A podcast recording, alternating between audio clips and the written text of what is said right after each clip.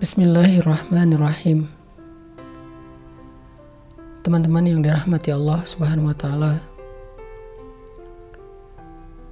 Betapa banyak anak muda yang karena patah hati jadi putus asa. Meratapi nasib bahkan melupakan nikmat Allah.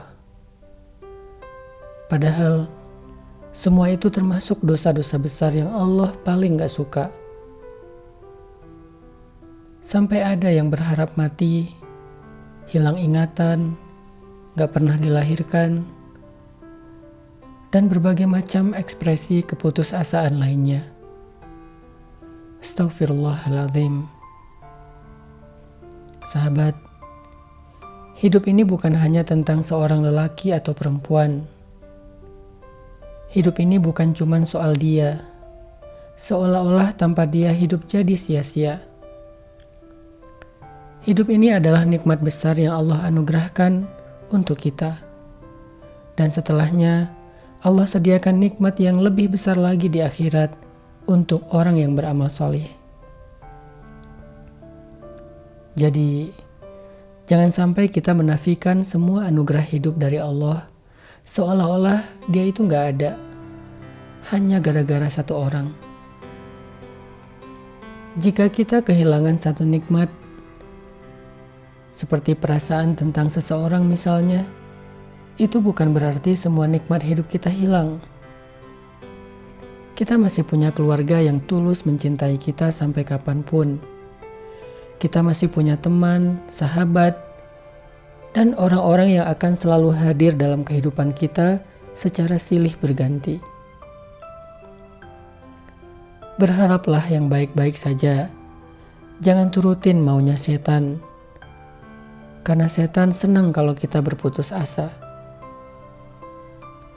Saya pernah mendengar kisah hidup seorang teman yang lagi patah hati. Saat dia bercerita sambil menangis, saya mengira hidupnya udah selesai, udah nggak ada harapan. Saya mengira dia nggak akan pernah lagi menemukan seseorang yang bisa mengisi hatinya sebegitu dalam. Saya kasihan sama dia.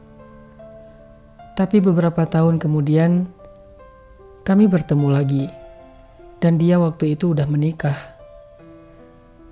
Saat kami sedang ngobrol sambil ngopi di sebuah tempat, saya bertanya sama dia, "Gimana hidupmu sekarang?" Sambil tersenyum dan penuh semangat, dia menjawab, "Alhamdulillah, sekarang saya baru sadar bahwa Allah selalu memberi ganti yang terbaik atas apa yang udah hilang." Saya sangat bersyukur memiliki istri saya yang sekarang. Dia udah mengisi hati saya seutuhnya dan saya merasa beruntung dulu kehilangan seseorang sehingga akhirnya Allah mempertemukan saya dengan perempuan yang solehah ini. Alhamdulillah katanya. Udah banyak banget cerita kayak gini terjadi di sekeliling kita. Orang yang hampir menyerah karena suatu masalah, lalu setelah beberapa lama dia malah bersyukur kepada Allah atas gantinya. Teman, jika memang kebaikan itu selalu disediakan untuk orang yang sabar dan tabah, lalu kenapa kita harus meminta supaya hilang ingatan, supaya mati aja? Rugi banget orang yang berputus asa dan gak lagi berharap yang baik-baik kepada Allah. Kalau ada masalah, bilang aja la'allahu khair. Semoga ada kebaikan dalam masalah ini. Ucapkan kalimat-kalimat yang baik, karena ucapan kita itu doa dan diaminkan oleh para malaikat. Gak ada ruginya kita berkata-kata baik saat sedang susah, daripada kata-kata mengeluh apalagi putus asa.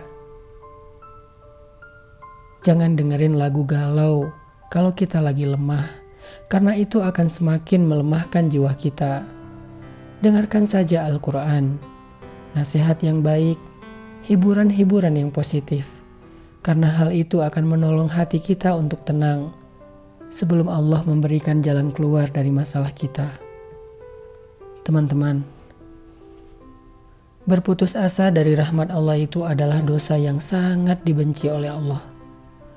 Orang yang berputus asa sama dengan orang yang gak beriman kepada janji Allah, gak percaya kepada kebesaran Allah, gak yakin kepada kebaikan Allah Karena gak mungkin seseorang berputus asa kecuali ketika dia ragu kepada Allah dan udah berhenti berharap. Nabi Shallallahu Alaihi Wasallam bersabda, seorang pendosa yang selalu mengharapkan rahmat Allah itu lebih dekat di sisi Allah daripada seorang yang beribadah tetapi berputus asa dari rahmat Allah.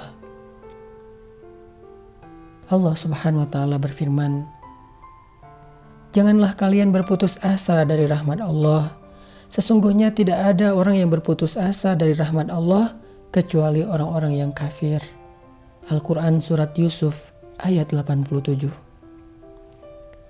Allah juga berfirman, "Dan apabila kami berikan suatu rahmat kepada manusia, niscaya mereka gembira dengan rahmat itu. Tetapi apabila mereka ditimpa dengan satu bahaya atau musibah karena kesalahan mereka sendiri, tiba-tiba mereka itu menjadi berputus asa." Al-Quran Surat Ar-Rum ayat 36 Barakallahu fikum